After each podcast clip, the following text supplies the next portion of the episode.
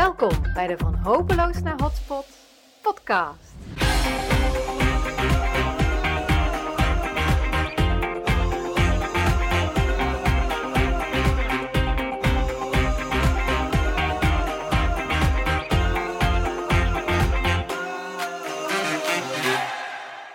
Welkom bij de twaalfde aflevering van de Van Hopeloos naar Hotspot podcast. Spring weer lekker achterop bij mij, je host Sandra Poelman. En dat we samen weer op expeditie gaan om te onderzoeken hoe we stadsharten weer kunnen laten stralen. Vandaag gaan we onderzoeken hoe je praktisch werk kunt maken van de sociale kant van stadsontwikkeling. De participatiekant ervan, waarover ik heel veel vooroordelen hoor. Van ervaren beleidsmakers en professionals hoor ik: ik heb er niks mee, ik heb er niks aan, wat moet ik ermee? En van burgers hoor ik vaak van, nou, het is een wassen neus of ze kunnen er niks van. Maar stiekem voelt iedereen wel aan dat draagvlak en samenkracht essentieel zijn als je van hopeloos naar hotspot wil. We bouwen immers niet alleen gebouwen, we bouwen aan communities. Niet eenvoudig dus, maar wel heel belangrijk. Gelukkig kunnen we ons licht opsteken bij een ervaren professional in dit veld, Sophie Lauwers. Sophie, hartstikke welkom in de podcast. Leuk dat ik mee mag doen uh, met jouw podcast, Sandra. Het is de eerste Ja. keer trouwens, dus voor mij is het een eh, podcast vuurdoop. Ja, nou, die heb je nou gehad. Oh ja, ja nou, het voelt eh, best nog wel oké. Ja, wel hè, ja. Ach, we gaan gewoon eh, samen kletsen, dat kunnen wij heel goed.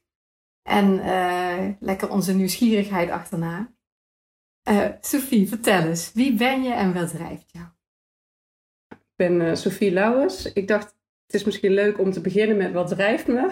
In plaats van Ja. ik woon hier en ik doe dat. En, eh, en eh, ik vind het altijd wel een hele interessante vraag. Want dan ga ik weer opnieuw over mezelf nadenken. Dus eigenlijk leuk dat je het vraagt. Als ik echt terugga naar wat drijft mij, is dat sowieso nieuwsgierigheid. Nou, je zei het net al, hè? onze nieuwsgierigheid achterna. Daar ben Ja. ik eigenlijk altijd door gedreven geweest. Door waarom is dat zo? Waarom gebeurt dit zo? En niet zo. En eh, ja, dat, daar zit ook een diepe interesse voor het menselijke wezen in. En dat mondt dan ook uit in ja, een goede vragensteller zijn, maar ook een goede observator en, en, en luisteraar zijn. En eh, ik ben eigenlijk altijd dat, eh, eh, ja, wat is het, driejarige kind geweest of zo, wat vraagt eh, waarom, waarom, waarom. dus, eh, en ik bevraag mezelf dus ook heel veel. Ja, ja, ja, dat hoor ik. Ja, dat hoor ik jou doen. En, Ja. en je bent ook, als ik het eh, zo beluister, gewoon oprecht geïnteresseerd in mensen. Ja. En in hoe je dingen voor elkaar Ja, dus dat is een hele belangrijke ehm, driver. En een andere is, eh, en dat hangt er eigenlijk hangt het allemaal met elkaar samen, is multiperspectief. Hè? Bekijk het altijd van meerdere kanten. Komt natuurlijk ook uit die nieuwsgierigheid voort. Vertrouw jezelf ook niet meteen. Bevraag jezelf altijd. En eh, bij mij is het ook gewoon een brede interesse dat ik echt wel een generalist ben en altijd een generalist ben geweest. En waarschijnlijk ook altijd eh, eh, zal blijven. En wat ik dan als laatste drijfveer heb opgeschreven is rechtvaardigheid.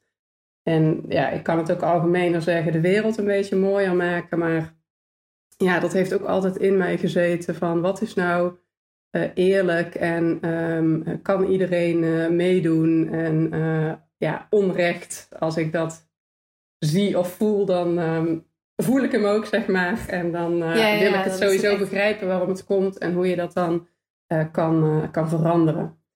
Eh, en als je dan kijkt naar eh, verder wie ik ben. eh, ik ben 41 jaar, ik woon in Tilburg, eh, heb een zoon en een dochter en mijn achtergrond is politicologie. En ja, dat politicologie, eh, zou je, hè, hoe sluit dat aan op mijn drijfveren?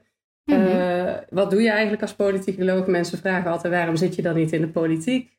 Nou ja, dat kun je doen als politicoloog, maar dat hoeft helemaal niet. Ehm, waar je eigenlijk in wezen mee bezig bent in de politicologie is van hoe worden schaarse goederen verdeeld in een gemeenschap, in een land, tussen landen. Eh, en dan kom je heel snel in ja, systemen van insluiting en uitsluiting, machtsmechanismen, hoe werkt dat? Institutionalisering eh, van regels en van wetten en eh, van organisaties. Maar ook heel centraal staan begrippen als gelijkheid, rechtvaardigheid, eh, veiligheid en welzijn. Hoe richt je een samenleving goed in en welke ehm, principes en waarden liggen daar aan ten grondslag. Dus ja, eigenlijk, ehm, als je het zo bekijkt, zitten daar mijn drijfveren ook, ook wel goed in, in verwerkt. ik heb om heel kort iets te zeggen over wat ik heb gedaan voordat ik bij Z kwam te werken. Dat is de organisatie waar ik nu werk. Ik heb eerst vier jaar aan de universiteit gewerkt, onderzoek en onderwijs gegeven. Onderzoek gedaan naar antidiscriminatiebeleid en gelijke kansenbeleid. En daar zit natuurlijk dat rechtvaardigheidsbeginsel en het echt kijken naar van op grond waarvan worden mensen uitgesloten, maar ook um, hoe zit soms, hoe zitten soms ook bepaalde scheidslijnen in beleid ongemerkt sluipen ze in beleid, waardoor ze mhm. een ongelijke uitkomst hebben voor, uh, voor groepen. Dus daar heb ik uh, voor de Europese Unie ook een, een onderzoek over gedaan hoe de verschillende lidstaten eigenlijk de antidiscriminatieafspraken van de Europese Unie heel anders in hun beleid verwerken met hele andere uitkomsten. Ehm, daarna ben ik uh, in de gemeente gaan, bij, voor gemeente gaan werken. Want na een aantal jaar uh, um, uh, wetenschap had ik het idee dat ik te veel opgesloten was. Mijn onderzoekende en nieuwsgierige aard kwam wel aan zijn trekken. Alleen dacht ik, hebben, um, heeft, ieder, heeft iemand er iets aan wat ik hier aan het doen ben? En dus heb ik de, de stap genomen om, om niet in, eh, in de wetenschap te blijven en, eh, en meer in het eh, veld te gaan werken. En toen heb ik negen jaar voor verschillende gemeenten gewerkt. Eigenlijk ook altijd in generalistische rollen. Dus nooit ehm, ja, op één beleidsterrein. dus ik heb best wel wat hoeken van de gemeente gezien. Ehm, en, en dan kon je zeg maar je, je ja, moet zeggen, je interesse in mensen weer veel beter uh, tot zijn recht laten komen. Als ik jou zo even ja. beluister. Ja. Want je, dat is toch wat je het liefste doet, hè? met mensen, voor mensen aan de slag. Ja, en dat kon ik intern in de organisatie doen, omdat ik vaak een rol had waarbij ik ook over beleidsgrenzen heen mensen moest verbinden op opgaven die gewoon breder zijn dan een uh, beleidsveld. Dus uh, daar heb je dat heel erg nodig, want een gemeentelijke organisatie is al best snel vrij groot. En, eh, en naar buiten uh, richting uh, de, de inwoners uh, van de gemeente. Ja. ja. Ik, ik noem het wel eens, ik voel me ook zo'n integralist. Hè? Dus mm -hmm. ik, ik voel me integralista in plaats van barista. Ja. ja. Maar er komt heel wat koffie drinken bij kijken, maar daar hebben we het niet over. Mooi gezegd, Sandra. En sinds 2,5 jaar werk ik voor Z. En dat is een stichting. Wij werken vooral op uh, projecten waar, we, ja, waar participatie en samenwerkingsvraagstukken centraal staan. En uh, voor, met altijd wel oog voor uh, kwetsbare groepen en zorgen dat, dat die groepen die niet altijd logischerwijs hun stem laten horen, dat misschien toch wel doen omdat we denken dat daar ook veel kennis zit. ja, en wij kennen elkaar natuurlijk ook via Stichting Z. Ja. Hè, want uh, uh, ik ben heel tijd uh, aan de slag al als adviseur bij de provincie Noord-Brabant.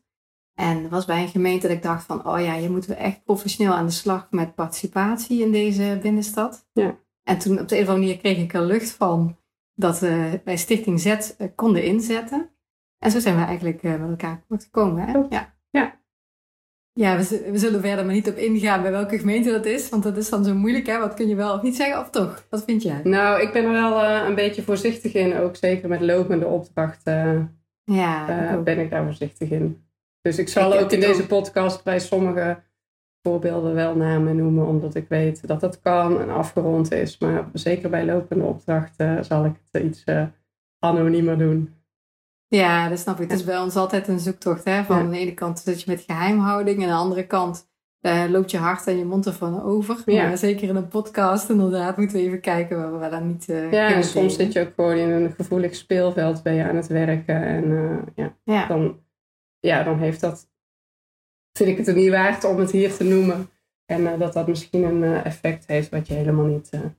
nee, ja, zeker. Ja. Zeker, zeker. Maar je vertelde al, hè? Je, je werkt bij Stichting Z. Ja, kun, je, kun je zeggen wat Stichting Z doet in de richting van de transformatie en de revitalisering van stadsharten? of ja. ontwikkeling meer breed? Ja, ja, ja, Z is wel actief breder dan, dan stadsharten. Dus inderdaad stadsharten, maar het, kunnen, het zijn ook wijken of buurten in kleinere gemeenschappen of wijken die tegen een stadshart aanliggen. Hè? Dus dat je een ontwikkeling hebt in een stadshart, maar dat juist wordt gekeken van hoe kun je nou die wijken daaromheen, hoe kunnen die mee profiteren uh, van een uh, grote ontwikkeling. Uh, maar ook het buitengebied zijn we actief. daar spelen, ja, hele an spelen andere vraagstukken als in stadsharten, maar soms toch ook wel dezelfde, ja, dezelfde soort dynamieken als je het hebt over samenwerking tussen meerdere partijen, tussen overheid en samenleving. Uh, dus er zitten ook wel uh, herkenbare overeenkomsten uh, in. En, en noem eens wat, wat voor overeenkomsten moet ik aan denken? Nou, sowieso in algemene zin is het zowel in het buitengebied als in een stadshart heb je um, te maken met belangen die ja, uiteenlopen en, en schuren. En daar ga je op zoek naar, naar gezamenlijkheid de stadsharten kennen bepaalde opgaven nu. Uh, waar ze echt een verandering of een transitie in door moeten om vitaal te blijven. Die opgaven die zijn in het buitengebied anders te omschrijven, maar niet minder uh, groot. Hè? Dus eigenlijk bij allebei zie je dat door blijven gaan hoe je het deed, waarschijnlijk geen leefbare en vitale omgeving gaat opleveren. En uh, dat een overheid niet meer uh, alleen kan. Die kan niet uh, op papier gaan schrijven van nou, we gaan, we gaan hier geld in stoppen, we gaan hier iets bouwen en, en dan is het opgelost. Het, het zijn echt grote, complexe transitievraagstukken. We hebben vaak zelf, de overheid weet het antwoord niet en inwoners ook niet. En je moet eigenlijk alle kennis en kracht bij elkaar brengen en, en, en het talent en energie om samen die puzzel te leggen. En ja, daar kom je dan ja, eigenlijk wel ja, dezelfde soort uh, vraagstukken tegen. Dus hoe uh, zoek je naar common ground, zeg maar, naar, naar overlappende belangen? Hoe kun je win-win nastreven? En het, eigenlijk het samenspel tussen overheden of instituties, hè, want naast overheden, woningbouwcorporaties en zo zijn ook best wel geïnstitutionaliseerd met uh, inwoners van de samenleving. Hoe spreken die met elkaar en begrijpen ze elkaar en uh, hoe werken ze vruchtbaar samen? Ja, dat is eigenlijk, ja, komt dat in de stadshart en het buitengebied uh, ja, heel duidelijk naar voren. Dus ja, dat bedoel ik eigenlijk met ja, dezelfde dynamieken. Ja, ja, herken ik wel. Ja. En ja, de, de vraag stellen, hè? waarschijnlijk zijn er heel veel antwoorden op die vraag van hoe doorbreek je dat? Hè? En hoe zorg je ervoor dat instituties en samenleving elkaar ja, opzoeken en versterken, net tot die win-win komen? Ja. Kun, kun je daar wat best practices in delen of zo? Nou ja, als je, hè, want je begon uh, de podcast met uh, participatie, dat sommige mensen daar uh, sceptisch hè, zich over uitlaten. Als we kijken dan naar waar Z in gelooft, hè, wat betreft participatie, dan is dat ook misschien niet meteen uh, wat de connotatie die mensen hebben bij participatie. Want eigenlijk, hè, wij geloven in uh, dat je om tot duurzame en gedragen oplossingen voor, voor grote maatschappelijke transitievraagstukken, dus leegstand, klimaatadaptatie, de energietransitie, nou noem maar op, echt, echt ja, de grotere opgave, dat het nodig is om dat samenspel echt anders vorm te geven tussen overheid en samenleving. Want we zien dat het daar toch vaak ja, nog niet soepel loopt en dat de partijen elkaar nog niet helemaal begrijpen. En wat we belangrijk vinden in dat samenspel is ten eerste dat de ervaringskennis van bewoners net zo hard nodig is als de expertise van de beleidsmaker en de doelkracht van de ondernemer om tot oplossingen te komen. Uh, die ook morgen werken en waar iedereen profijt van heeft. Dus het is een, het, een, een gelijk belang aan verschillende soorten kennis en kunde uh, hechten dat is een belangrijk uitgangspunt uh, wat we um, in ons werk proberen en in onze aanpak proberen um, mee te nemen. Heb je mooi gezegd. Is een gelijk speelveld ja. van ervaringskracht. Uh, Toekracht. Wat zei je van ondernemerskracht? Ja, en, en, expertise. Echt ja, de kennis in de, in de ja, zuivere zin van het woord. Zo hoe we het vaak kennen. Hè? Dat, dat je ja. dingen weet of kennis hebt van... Ja, vanuit je professie. Ja, vanuit, vanuit je professie, ja. Ja. Ja, Dus- en dat eigenlijk, eigenlijk zorgen dat eh, alle krachten die er zijn, dat je die op de een of andere manier weet te bundelen. Ja. En wel ieder vanuit, hè, want, want het is allemaal vanuit verschillende rollen. Het is ook niet dat je vraagt, hè, want soms denk je bij, het is niet gelijkheid, het gaat echt over gelijkwaardigheid. Maar die partijen hebben allemaal hun eigen unieke rol en daar moet je ook respect voor hebben. En dat is ook niet voor niks dat het zo is, hè, want soms is het ook heel makkelijk. Merk je van ja, de overheid doet het nooit goed, of juist er wordt gewezen Ja. naar, eh, naar inwoners, begrijpen er ook niks van. Ja. Ehm, ja, ik, ik denk dat eh, een overheid is niet voor niks gegroeid hè, tot de overheid eh, die, die we nu kennen. En dat werpt ook superveel vruchten af. Maar op, zeker op vraagstukken waar je niet met ehm, een, een standaard antwoord of blauwdruk ko- kunt komen. Hè, dus eh, waar we eigenlijk het allemaal niet over weet, van weten. Ja, daar, Ja, eh, innovatie er- ja, daar ja. kan echt wel eh, in dat samenspel tussen overheid en samenleving kan veel gewonnen worden, denken wij. En dat zit in ieder geval in die gelijkwaardigheid van die verschillende soorten kennis. En dat je die ook dus probeert te, in te brengen en te betrekken bij het komen tot oplossingen. En daarnaast is het ook het redeneren vanuit het vraagstuk in plaats van een dominant beleidsveld eh, belangrijk. Hè? Dus nou ja, als je denkt aan het voorbeeld van de energietransitie, dan zie je toch vaak een technisch-economische benadering. Maar Mhm. en die is ook heel hard nodig. Hè? Dus eh, zo- zonder dat soort oplossingen kom je er niet. Maar je komt daarmee alleen er ook niet. Want het zijn uiteindelijk toch mensen die de samenleving maken en die eigenlijk de verandering eh, maken of eh, kraken. En daarmee gaan wij ervan uit, eh bij dat ieder transitievraagstuk in de kern ook een sociaal vraagstuk is. Dus het raakt aan belangen, aan welzijn en welvaart, aan de mogelijkheden of onmogelijkheden om mee te kunnen veranderen. Dus wij proberen in te brengen, investeer altijd ook in die sociale kant en verlies de menselijke maat ook niet uit het oog. En eh, ja, we zien dat vaak, eh, of dat, dat het lang niet altijd zo is dat die ehm, wat integralere blik ja, er, er, er van, vanzelf is. Want ja, dat is ook niet wat we. Ja, heel lang zijn we dat volgens mij ook niet gewend om, eh, om dat zo te doen.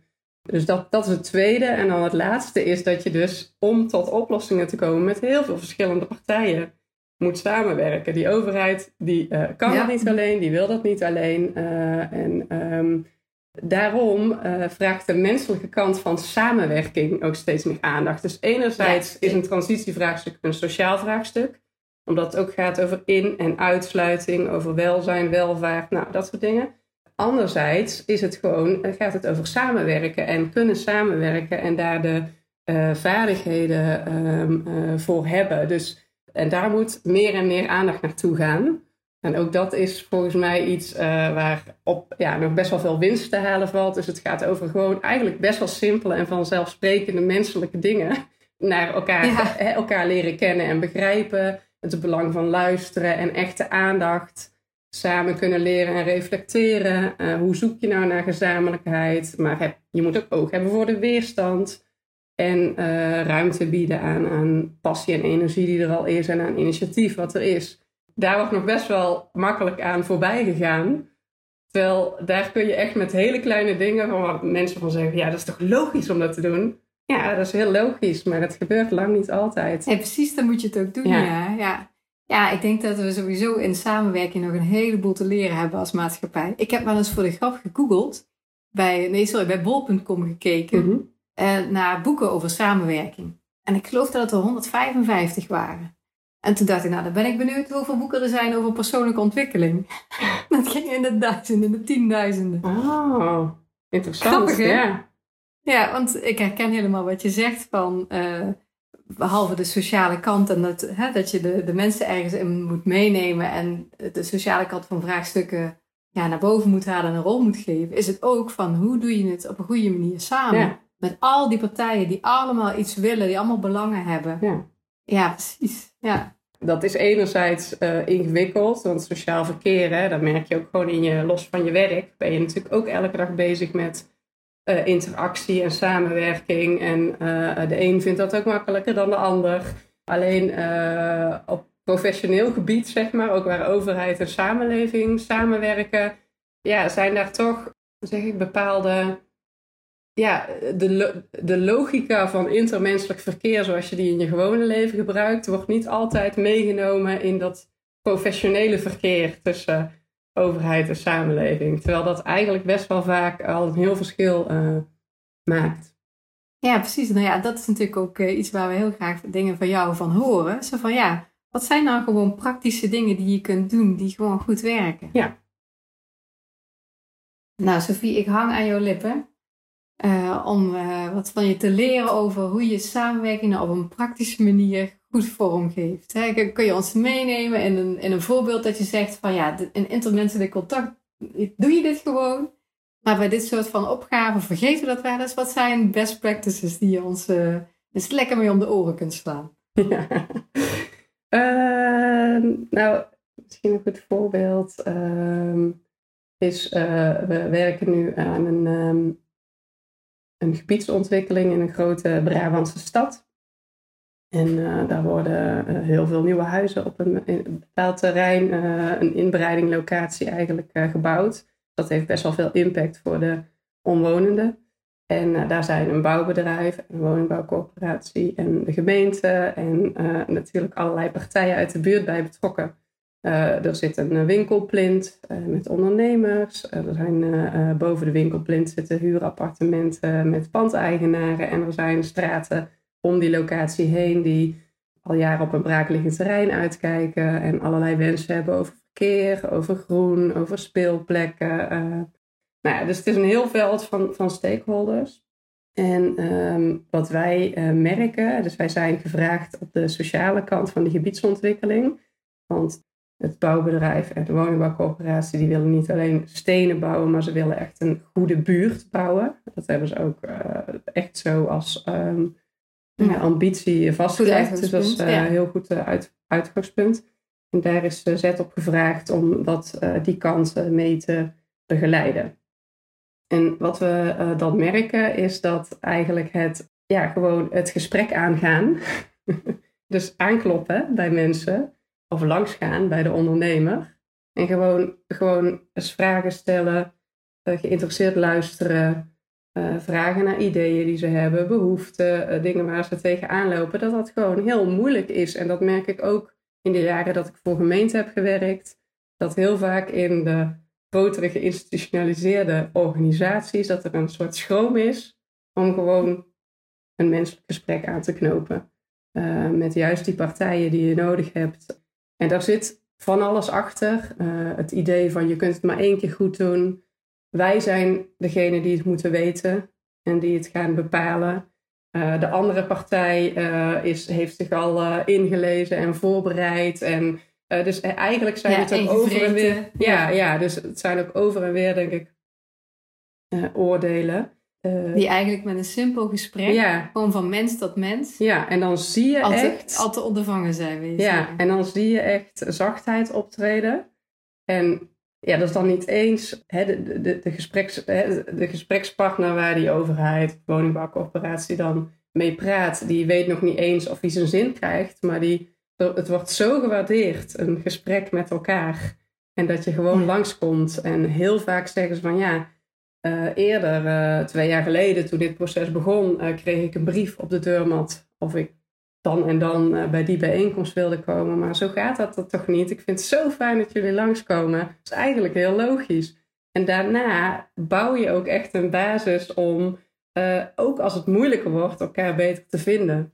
En het is allemaal, weet je wel, samenwerken is niet makkelijk. En je kunt in zulke soort ontwikkelingen nooit iedereen um, tevreden maken. Maar bijna altijd kun je wel door goed met elkaar te praten en uh, te kijken van wat is nou voor iedereen van belang.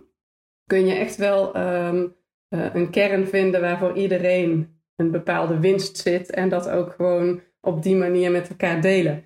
Dat anderen dat ook zien. Dus het zit ook heel veel in begrip over en weer. Dus uh, in een andere opdracht uh, die we doen is een opdracht dat gaat over energie voor iedereen, zo heet dat project. Dan proberen we mensen met een smalle beurs uh, te betrekken bij de energietransitie. Hoe, die, hoe doe je dat nou? Nou, een van de thema's die daar speelt is gespikkeld bezit. Dat zijn eigenlijk wijken waar sociale huurwoningen zijn van de woningbouwcorporatie, maar er staan ook een aantal uh, particuliere woningen die gewoon huiseigenaren hebben die koop, koopwoningen zijn. En um, daar merk je dat um, de gemeente en de woningbouwcorporatie heel, heel graag heel de wijk meenemen. En die particuliere eigenaren worden meestal gewoon aangeschreven met een soort bod van de aannemer.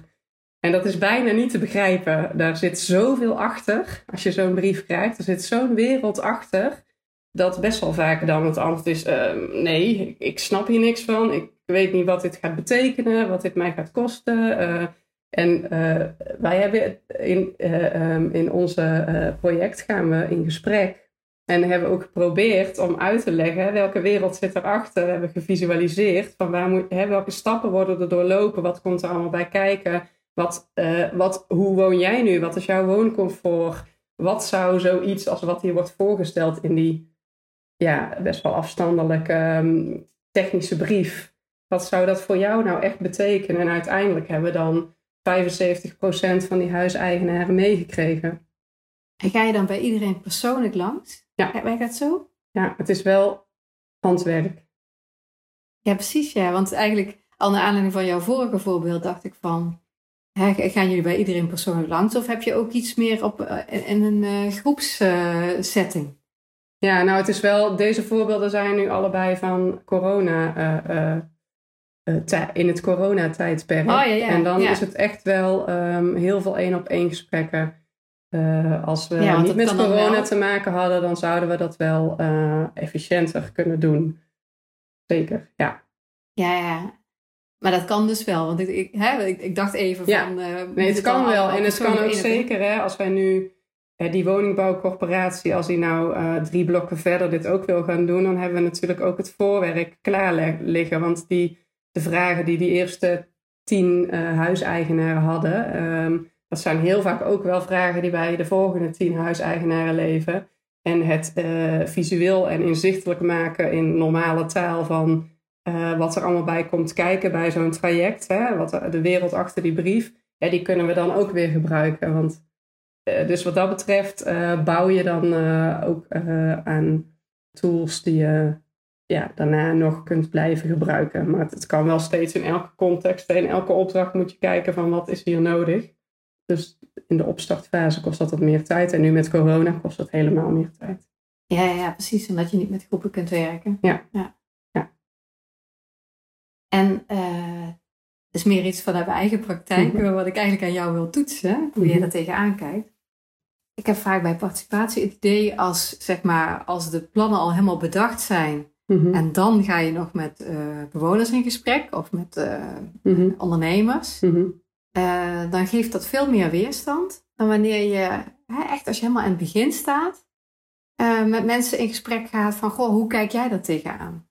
Ja. Ik doe dat vaak zo, maar ik denk eens even bij jou toetsen. Ja, klopt. Ik heb hem ook uh, van tevoren wel aan gedacht, inderdaad. Uh, het is wat je vaak mis ziet gaan, en dat geldt ook voor stadsharten, is dat er toch al, al bepaalde keuzes zijn gemaakt. Hè? Dus en dat je pas later in het proces wordt er gedacht aan participatie. Maar dan zijn er al echt ja, zijpaden ingeslagen en andere paden zijn al uh, ja, niet meer te bewandelen.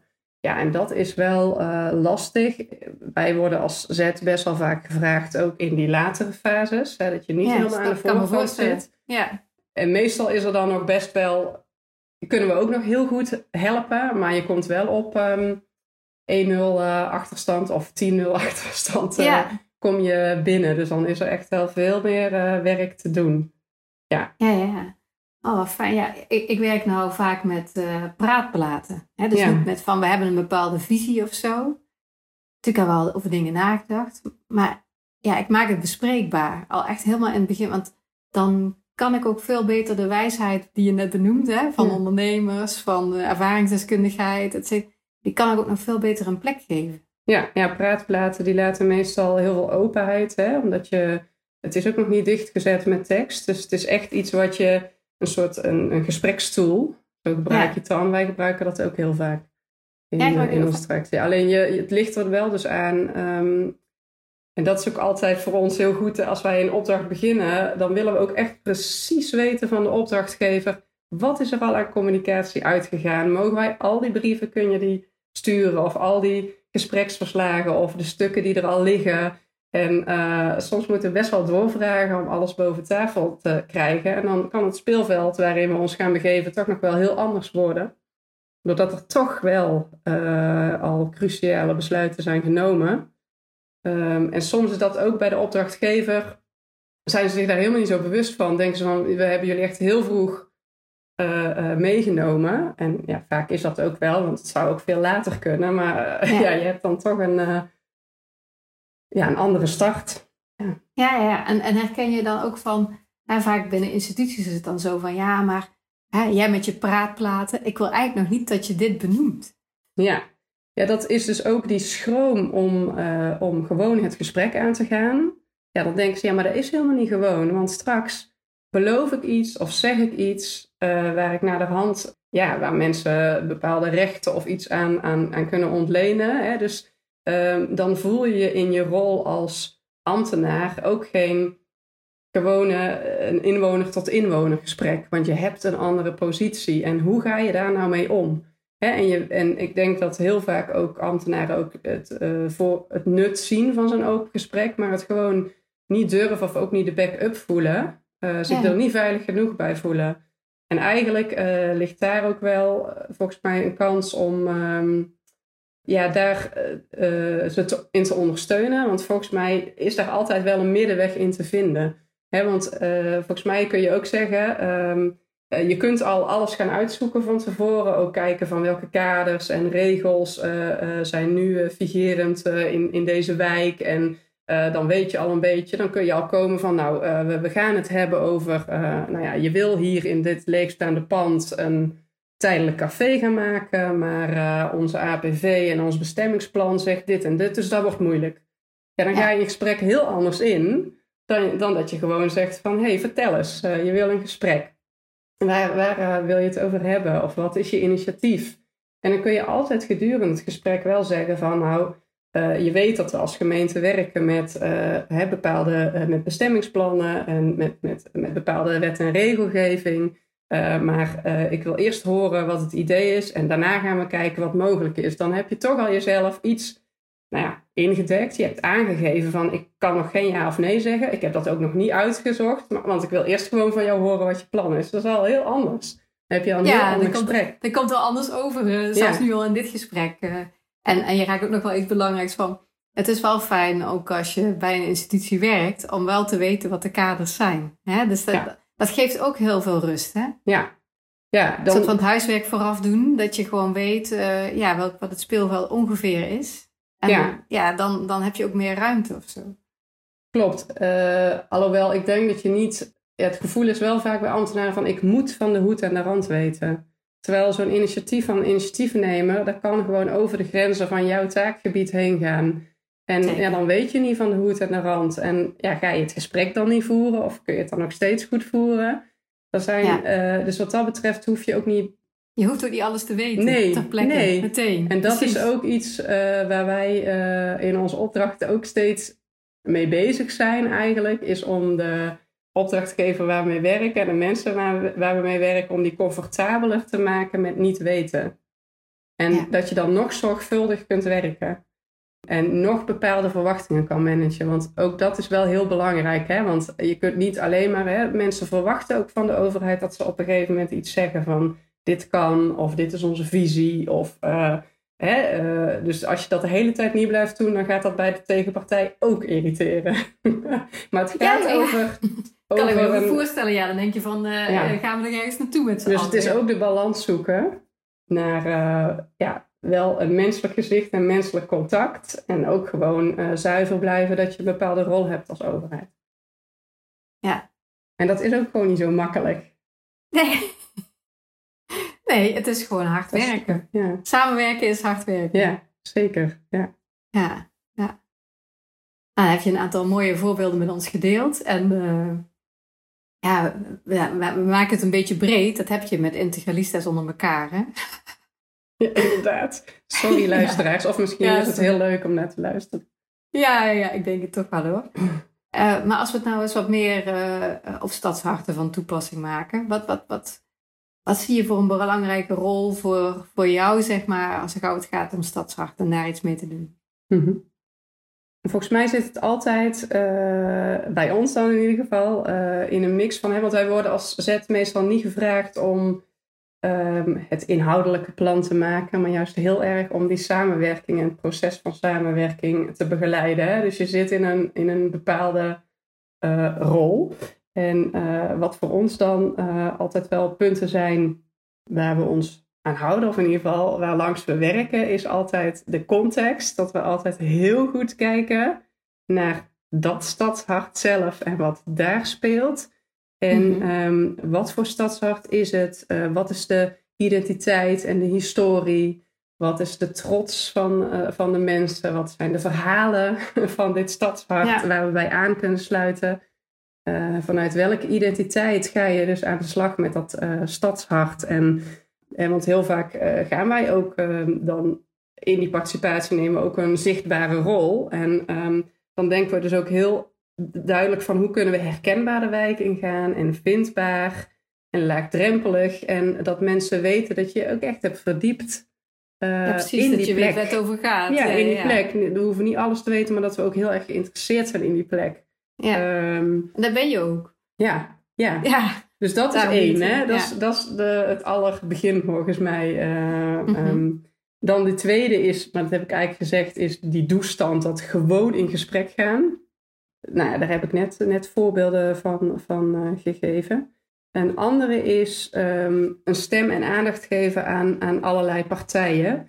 Um, dus dat sluit aan hè, bij, uh, bij wat we als set belangrijk vinden. Dat, dat, samen, of dat het tot oplossingen komen voor een stadshart wat met bepaalde uh, uitdagingen kampt.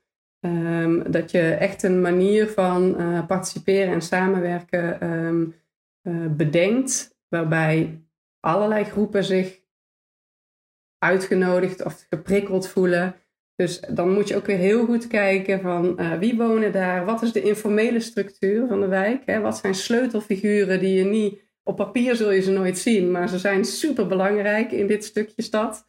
Uh, oh, dan moeten we uh, die zeker ook gaan spreken. En zo ga je echt, ja, hoe zeg je dat?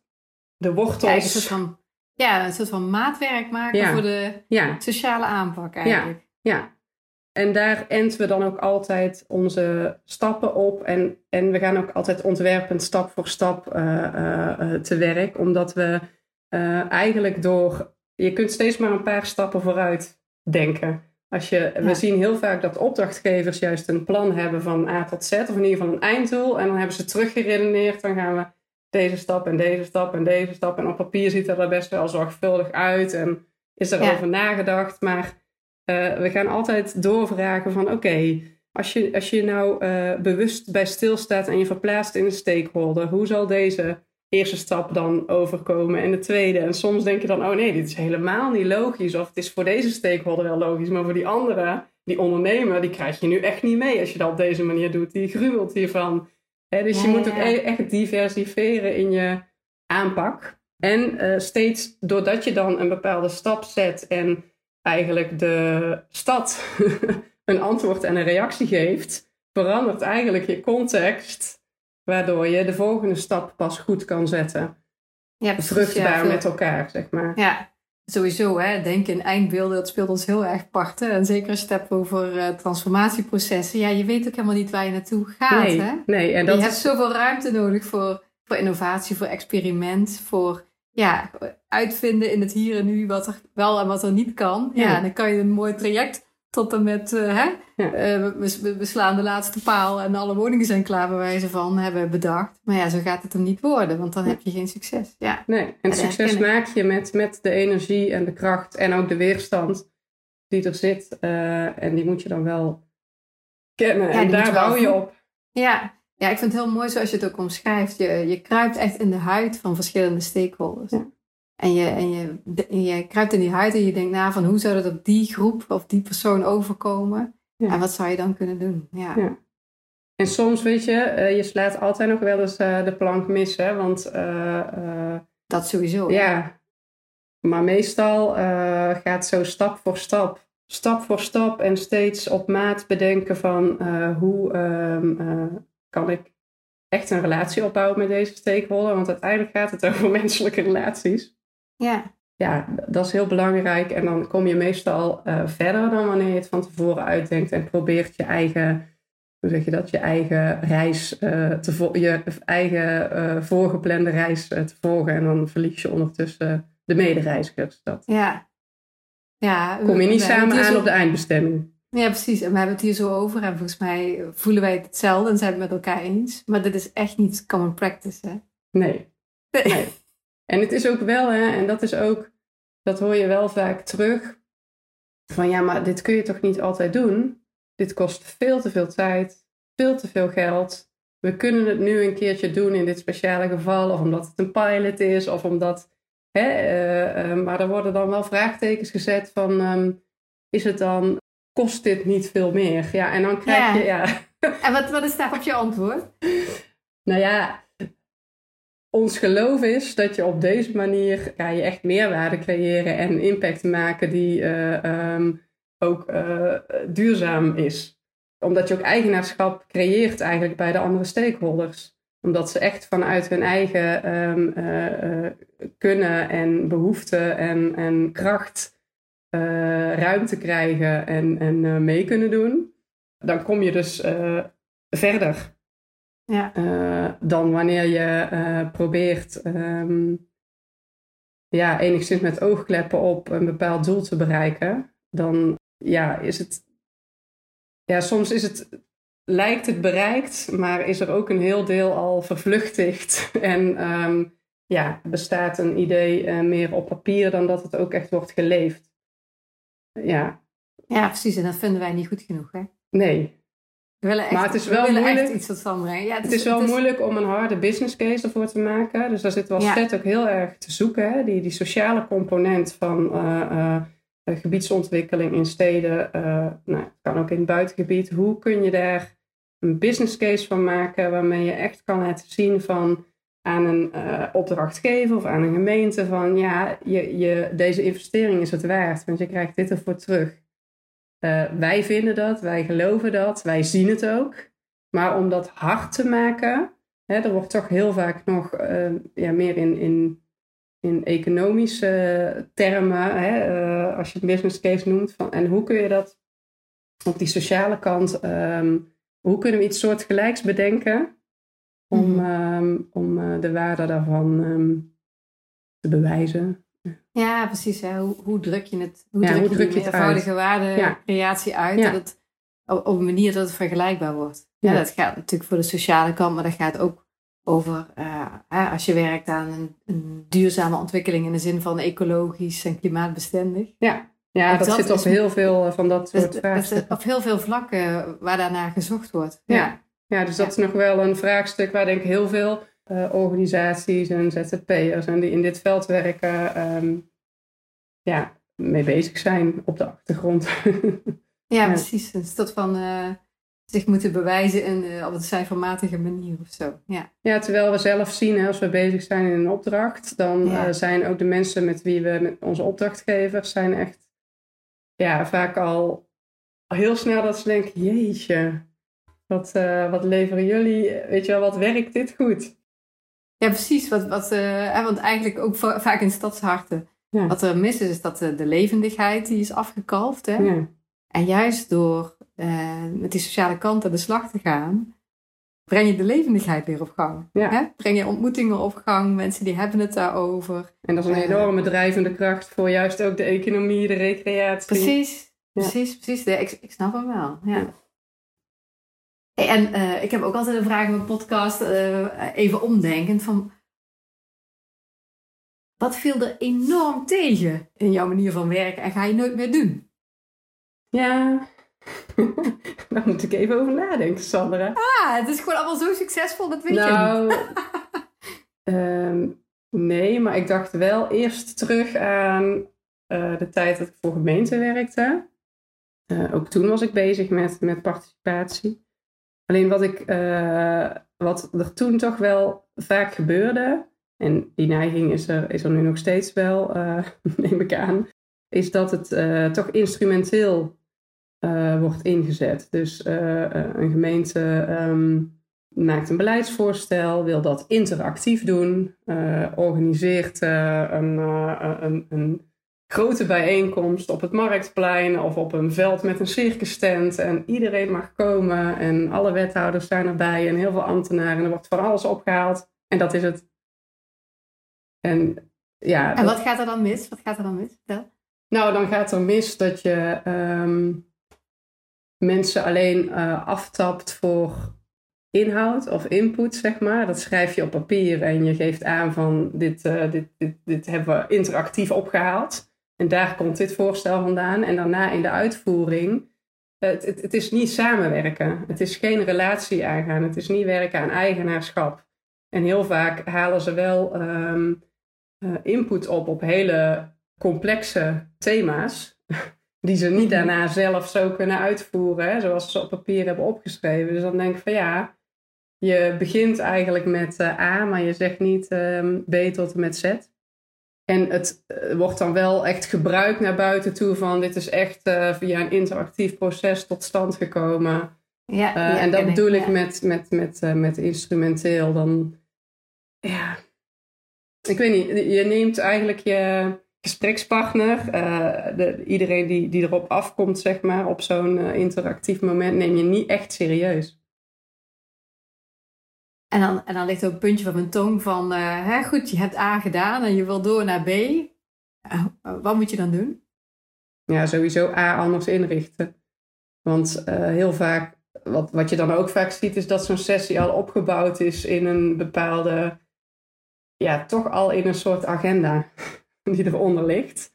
En daar ja, ja, kan dan nog iets vrij, gevonden. Maar nee. van, wij, wij vinden dit, vindt u dat ook? Of zo? Ja, ja nou dat, zo vragen ze het niet, maar dat zit er wel het zit er wel een beetje uh, Oké, maar, maar laten we dat omdraaien. Hè? Dus stel je bent een overheid en die wil echt uh, op een interactieve manier met uh, stakeholders aan de slag. En het, het, begint natuurlijk met samen nadenken over de, over de opgave, over de uitdaging. Mhm. en, en wat is nou een goede manier om met mensen samen in gesprek te blijven en ook dat eigenaarschap te stimuleren? Mhm. wat, zou jij, wat zou jij doen? Nou, in ieder geval in contact blijven. Dat is het allereerste. Want je ziet heel vaak dat na die sessie komt er nog wel, nou ja, als het goed is, een terugkoppeling van papier. Maar dat is niet altijd een verslag, ja. Alleen weten mensen daarna helemaal niet uh, of, of er ook iets mee gedaan wordt. Uh, uh, het is echt één keer komen en daarna hoor je niks meer. Dus dat is het allereerste. Blijf in contact. Neem weer contact op. Maar ook als je bij elkaar komt met mensen, laat ze dan ook aangeven van wat zou ik kunnen doen of wat, uh, hoe wil ik nog betrokken blijven hierbij. Uh, en neem dat ook serieus en ga dat dan ook organiseren. En er is niet meteen eigenaarschap, hè? dat kun je ook niet verwachten. En dat heeft dus investering nodig op uh, relatie en op samenkomen en in gesprek blijven. En echt geïnteresseerd zijn in elkaar. En daardoor horen Hè, doordat je die lijntjes hebt als ambtenaar, hoor je ook veel beter van uh, wat er uh, aan de hand is. En um, ja, kom je vaak ook tot hele andere ideeën die je nooit voor mogelijk had gehouden. Ja, maar je hebt het al heel mooi neergezet. Hè? Dus niet één bijeenkomst met een, vers hè, met een verslag. Maar uh, als je zoiets gaat doen, weet dan dat je gewoon op gezette tijden terugkomt. En dat het ook niet alleen maar grote bijeenkomsten zijn. Ja. Maar dat je ook iets organiseert, dat het op hè, dat het op een andere manier gaat. En misschien veel meer één op één of met andere ja, groepen. En sommige mensen eh, willen, die willen alleen die ene keer komen. Dat is ook prima. Is ook prima, ja. Maar er zijn ook echt mensen die gewoon echt uh, uh, gedreven zijn om echt zich, zich verder in te zetten voor een bepaald ja, doel in hun wijk of buurt waar ze echt passie voor hebben. Ja, dat is alleen maar hartstikke mooi. Uh, en natuurlijk, uh, en daar zit ook alweer een beetje de angst, hè? dan willen ze dit en dat en dat kunnen we niet waarmaken. ja, en daar moet je dan als um, partners uitkomen. Want heel vaak, uh, als je geen, bijvoorbeeld niks financieels kan bieden, kun je wel op een andere manier iets bieden. kun je netwerk bieden, of ingangen, of ruimte, of nou ja, heel veel opties. Ja, precies. Als je samen maar voor ogen hebt, hè, en daar elkaar in vindt van we willen deze wijk um, nou ja, eh, groener maken bijvoorbeeld. Ligt maar aan welk doel je hebt. Ja, precies. En uh, ik kan me ook heel voorstellen dat er een angst in zit van Nou, straks willen er een heleboel mensen of een heleboel partijen iets. En dat is dan contrair aan elkaar. En hoe ga je er dan mee om? Ja, ja dat kan ook. en dan kom je in hetzelfde eh, ja, belangenspeelveld als eerder. Moet je volgens mij uh, bij elkaar gaan zitten sowieso. En het gesprek erover aangaan. En natuurlijk zijn er ook altijd uh, grenzen hè, en kaders. Want uh, sommige dingen heb je ook vastgelegd uh, die, die je niet wil. En, en, en verder is er eigenlijk vaak heel veel ruimte. En hoef je het ook niet als overheid meteen allemaal op te lossen. Dus kun je nee, ook volgens mij mensen samen. Hè, als jij als ouder ga je ook niet elk conflict van je kinderen mee oplossen. Je geeft soms even Het heeft ook heel veel te maken met uh, controle durven loslaten. Want eigenlijk wat je wil is dat de levendigheid in die community weer op gang komt. En dat ze samen allerlei dingen gaan doen. Maar ik denk van, van vroeger uit of zo, dat de overheid dan heel erg zoiets heeft van ja, we moeten dat bestieren. Het moet een beetje... Allemaal pais en vree ook. Ja, dat. Hè? Ja. Maar als het niet knalt en knettert, dan komen ook volgens mij niet de de hele mooie creatieve ideeën uh, en, de, en de oplossingen die je echt nodig hebt. Dus het is, ja... Zeker, zeker. Het mag, het mag van succes uit de hand lopen, graag zelfs. Hè? Ja, ja. Maar overheden zijn toch wel ook uh, geënt natuurlijk op hun reputatie. En uh, in deze tijd van social media, waar van alles meteen op ja. de sociale media kanalen wordt gegooid, is misschien die terughoudendheid zelfs nog gegroeid ten opzichte van nou ja, pak een beetje 20 jaar geleden, ik weet het niet. Ja, ik weet het niet. Ik denk dat we ook wel meer gewend zijn geraakt aan meningen en meningen over elkaar en daar dat ook weer makkelijker een plek kunnen geven. Dat idee heb ik erbij. Ja, ja. zou kunnen, ja. ja dat onverschilliger worden. Nou, niet onverschillig, maar meer zo van dat we er meer mee hebben leren dealen, omdat we elkaar ook meer in het sociale domein via de social media tegenkomen. Ja. Zo. ja.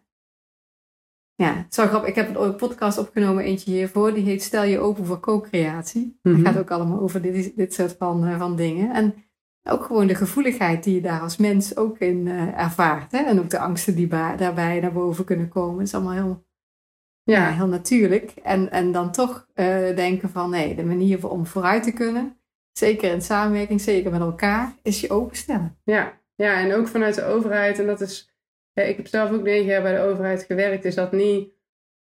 Ja, je wordt ook zo helemaal niet opgeleid. Uh, Eigenlijk zie je bij de overheid. En ik denk dat die verschuiving ook wel zichtbaar is in, in het soort vacatures wat je ziet. Hè. Je hebt, uh, ze gaan toch iets verschuiven van het inhuren van expertise naar het inhuren van mensen met bepaalde um, proces- en communicatieve vaardigheden, uh, uh, ontwerpvaardigheden. Dus veel meer op die proceskant heb je een bepaald type mens nodig met vaardigheden. En die is dan misschien inzetbaar op verschillende beleidsterreinen. En heel lang is daar helemaal, helemaal geen aandacht voor geweest bij de gemeente. Natuurlijk door iemand te werven met expertise op een beleidsveld haal je soms ook gewoon iemand met die vaardigheden in huis. Ja. Um, maar uh, daar, daar is volgens mij lange tijd niet echt gericht op geworven. En nu wordt dat belangrijker volgens mij. Ja, of, en de mensen ook niet echt uh, uh, op ondersteund vaak, hè? Nee, en daar zie je ook wel verschuiving in. Dat daar uh, veel meer trainingen um, en opleidingen op geënt is. Dat zie je echt een, een, ja, een verandering die die over, de, de, overheid ook zelf heel graag wil maken en ook heel hard mee bezig is. Ja, ja. dus als we over een tijdje bij bol.com gaan kijken, dan zijn er veel meer boeken over samenwerking. ja. Dat is misschien een beetje deze tijd ook, denk ik. Ja. Maar ja. Hoe kunnen mensen kennis nemen van de activiteiten van jou en van Stichting Z? Hoe kunnen we jou volgen als we denken van, nou, dit is toch wel een heel spannend en mooi en waardevol onderdeel? ja. van uh, gebiedsontwikkeling. Nou, ik, ik zit zelf op, uh, op Facebook en op, uh, op LinkedIn. En professioneel post ik zelf vooral op LinkedIn. En Z zit ook op, op Facebook en op LinkedIn. Ik moet even kijken, heb ik opgeschreven hoe wij oh, daar de? Linkjes, dat ga ik wel, wel oh, ja, nou, die, is, is, Z daar, is, is het, het, sociale Z ook actief op social media? Of, Ja, ja, ja. Ja? Ja, Z is actief, maar eigenlijk ik als, uh, als uh, medewerker bij Z post ook gewoon uh, vanuit mijn eigen naam ook over natuurlijk de, de projecten waar Z aan werkt en waar ik aan werk. En we Ah, hebben een dus daar website. investeren jullie in. eh, want Ja. ik, ja, ik doe dit ook, maar het is ook een investering hè, om te laten zien wat je doet. Zeker, en dat kan ook wel beter hoor. Ik, eh, daar zit voor mijzelf, hè, zo'n podcast had ik ook nog nooit gedaan. Ja. ik ben altijd van het ehm, ja, goed mijn werk doen en daar zo veel kwaliteit uithalen als erin zit. En dan denk ik van, dat mag je ook wel meer delen. Dus dat zeg ik ook wel eens tegen mezelf. Sophie, roep het wat, wat meer van de daken en, en deel eh, je enthousiasme ehm, eh, meer eh, op social media. ja, nou ja, als, je, als je daar zin in hebt, dan, dan, moet, je, dan moet je dat zeker doen. Nou, ik neem wel een voorbeeld van jou, Sandra. Want dat doe jij supergoed. Ja, ik vind het belangrijk om inderdaad over ons mooie werk en over alles wat daarbij komt kijken, om daarover te delen. Ja, En, eh, en ik vind het ook een hele mooie manier om eh, ja, interessante gesprekken te voeren, mooie mensen te ontmoeten. Dus ik geniet er ook van. Het is ook altijd wel een klein beetje spannend. ja, en maar ja, het is gewoon heel goed om te doen. Ja, ja, het levert veel meer op dan, dan de spanning die je misschien ook een beetje voelt. Ja. zeker, zeker. Ja. Heb jij misschien nog een gouden tip voor ons, voor Stadsharten? Een gouden tip. Weet je, ehm nog wel een vraag. Ik kan ook gewoon samenvatten wat jij tot nu toe hebt gezegd. Je hebt ons Ja. gewoon meegenomen in hoe je werk kunt maken van samenwerking. Hoe je, de, Ja, hoe je dat organiseert, wat daarbij komt kijken, wat het oplevert. ja. Eh, nou ja, volgens mij hebben een aantal dingen. Hè. Het, het, participatie is niet iets om even eh, in te zetten, maar is een, eh, een, een structureler onderdeel eh, Ja. ehm, van samenwerken. Vormgeven van de stedelijke ontwikkeling vanuit het verhaal en de eigen, eigenheid van een stadsdeel is cruciaal, denk ik, om, om maatschappelijk zeg maar, dienstbaar te zijn aan het gebied.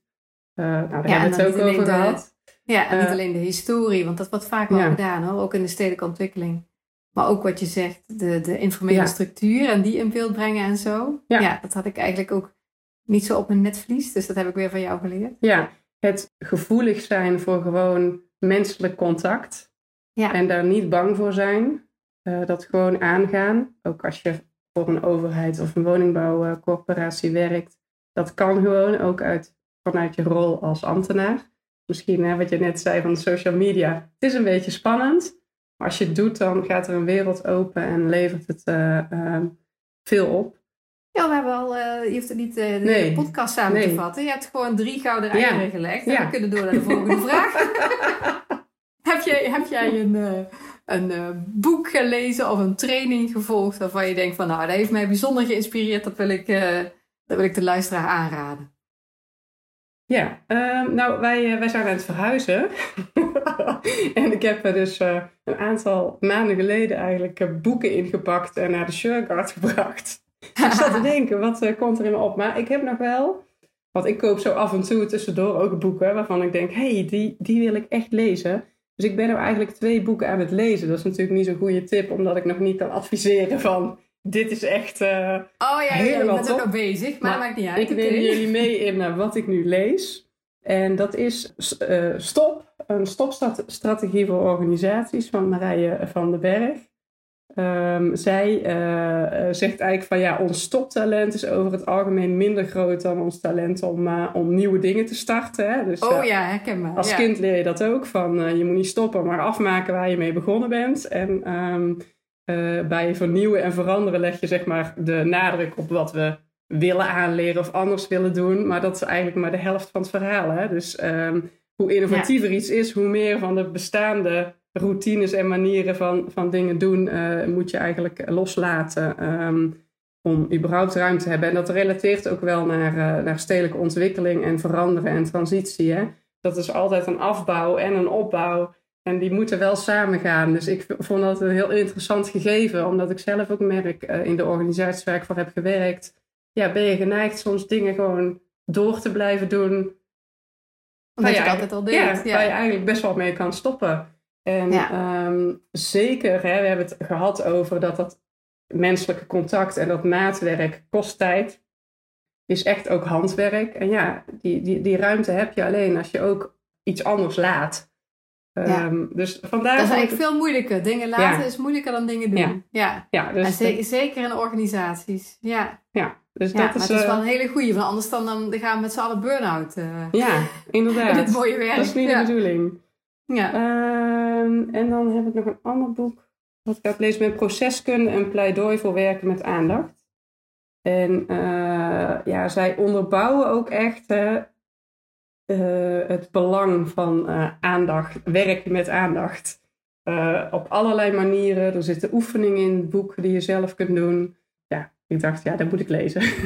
Ja, ja, ja. ja, Dus ja. daar, een soort van mindfulness in het werk. Ja. Aandacht voor waar je mee bezig bent. eh, Ja, maar ook aandacht echt in processen leiden. Dus als je procesbegeleiding doet, hoe, ehm, eh, waarom is aandacht ook voor mensen en aandacht in het luisteren en aandacht in het gesprek belangrijk?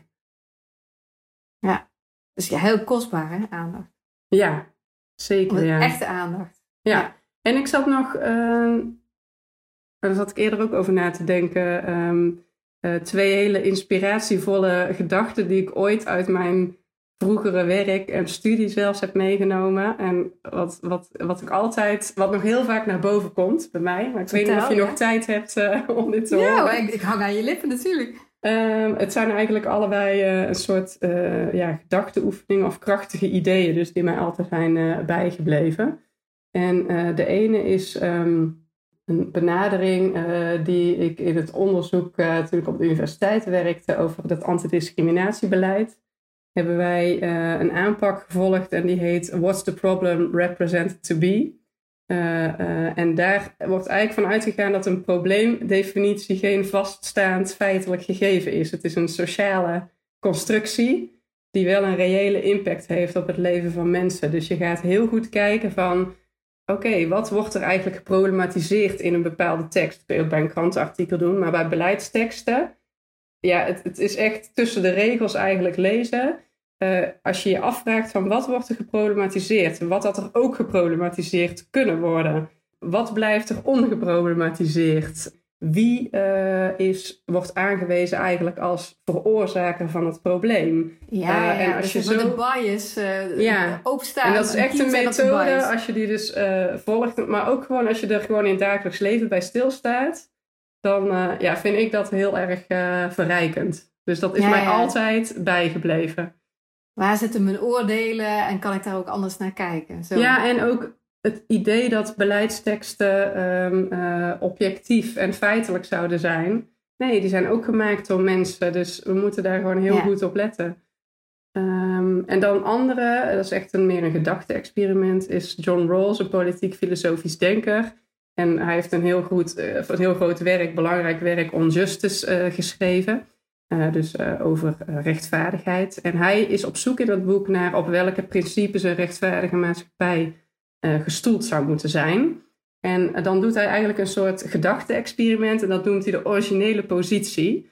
En dat is eigenlijk een, dus een denkbeeldige toestand waarin mensen achter een, een sluier, hij zegt de veil of ignorance, de sluier van onwetendheid, daar worden ze achter gezet. En dat betekent eigenlijk dat ze niet weten in welke familie of omstandigheden, welk land of werelddeel of positie ze geboren worden. En vanuit die positie moeten bepalen hoe zou ik dan, wat zou ik dan een, rechtva- een rechtvaardige samenleving eh, eh, eh, vinden en volgens welke principes moet die ingericht worden. En gewoon dat idee van die originele positie, van niet weten en dan de maatschappij inrichten, vind ik gewoon een heel ja, eh, sterk eh gedachte-experiment. En dat is nog niet eens, eh, hij komt op een aantal rechtvaardigheidsbeginselen, die weet ik niet eens meer helemaal uit mijn hoofd te Nee, reproduceren. ja. Maar om zo te oefenen, hè, dus ik heb ook bij gemeenten, hè, als die moeten bezuinigen, kun je ja, posten gaan schrappen. Maar sommige gemeentes die denken soms ook in een nulbegroting. Wat zouden we doen als we de begroting van grond af aan zouden opbouwen? Ja. Gaat ook weer een stukje over stoppen. Ja, ja, ja, dat herken ik erin, ja. Eh, dat vind ik, ja, Ja, Sophie, dus eh, we hebben heel veel van jou geleerd en we leren jou in dit staartje van de podcast kennen als een enorme denker die, die gedachte-experimenten met zichzelf aangaat en daar Ja. dan energie van krijgt en op nieuwe ideeën komt. Nou, Hartstikke leuk. Super bedankt daarvoor. Ja, nou leer ik jou ook weer nog beter kennen dan ik jou al kende. Dat is natuurlijk Oh, ook wel leuk. heel leuk hieraan. Ja, Ja. ja.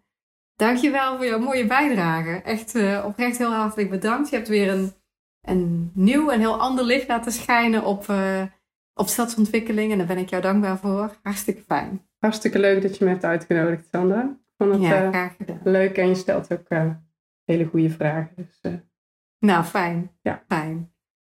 Nou, en luisteraar, dan wend ik nog even tot jou. We zijn aan het einde gekomen van deze aflevering van de Van Hopeloos naar Hotspot podcast. En ik ben heel benieuwd of we jou aan het denken hebben gezet. Dat moet haast wel met eh, Sophie erbij. En eh, of je bijzondere inzichten hebt opgedaan. Eh, ik vind het interessant als je een reactie achterlaat op LinkedIn, Facebook of Instagram. En je mag Sophie natuurlijk een persoonlijk bericht sturen via LinkedIn of zo. En mij, mij mag je ook benaderen. Nou, Sophie, heel erg bedankt voor het gesprek. En luisteraar, dankjewel voor het luisteren. Deel deze podcast gerust met mensen waarvoor je denkt dat het interessant is. Hè? Voor die doorgewinterde ambtenaren die denken dat participatie niet nodig is. Die moeten dit eigenlijk even horen. Eh, en eh, nou ja, eh, over een week of vier dan heb ik weer een nieuwe podcast voor je sta- klaarstaan. Dus ja, weet me weer te vinden. Ik zou zeggen, stay tuned.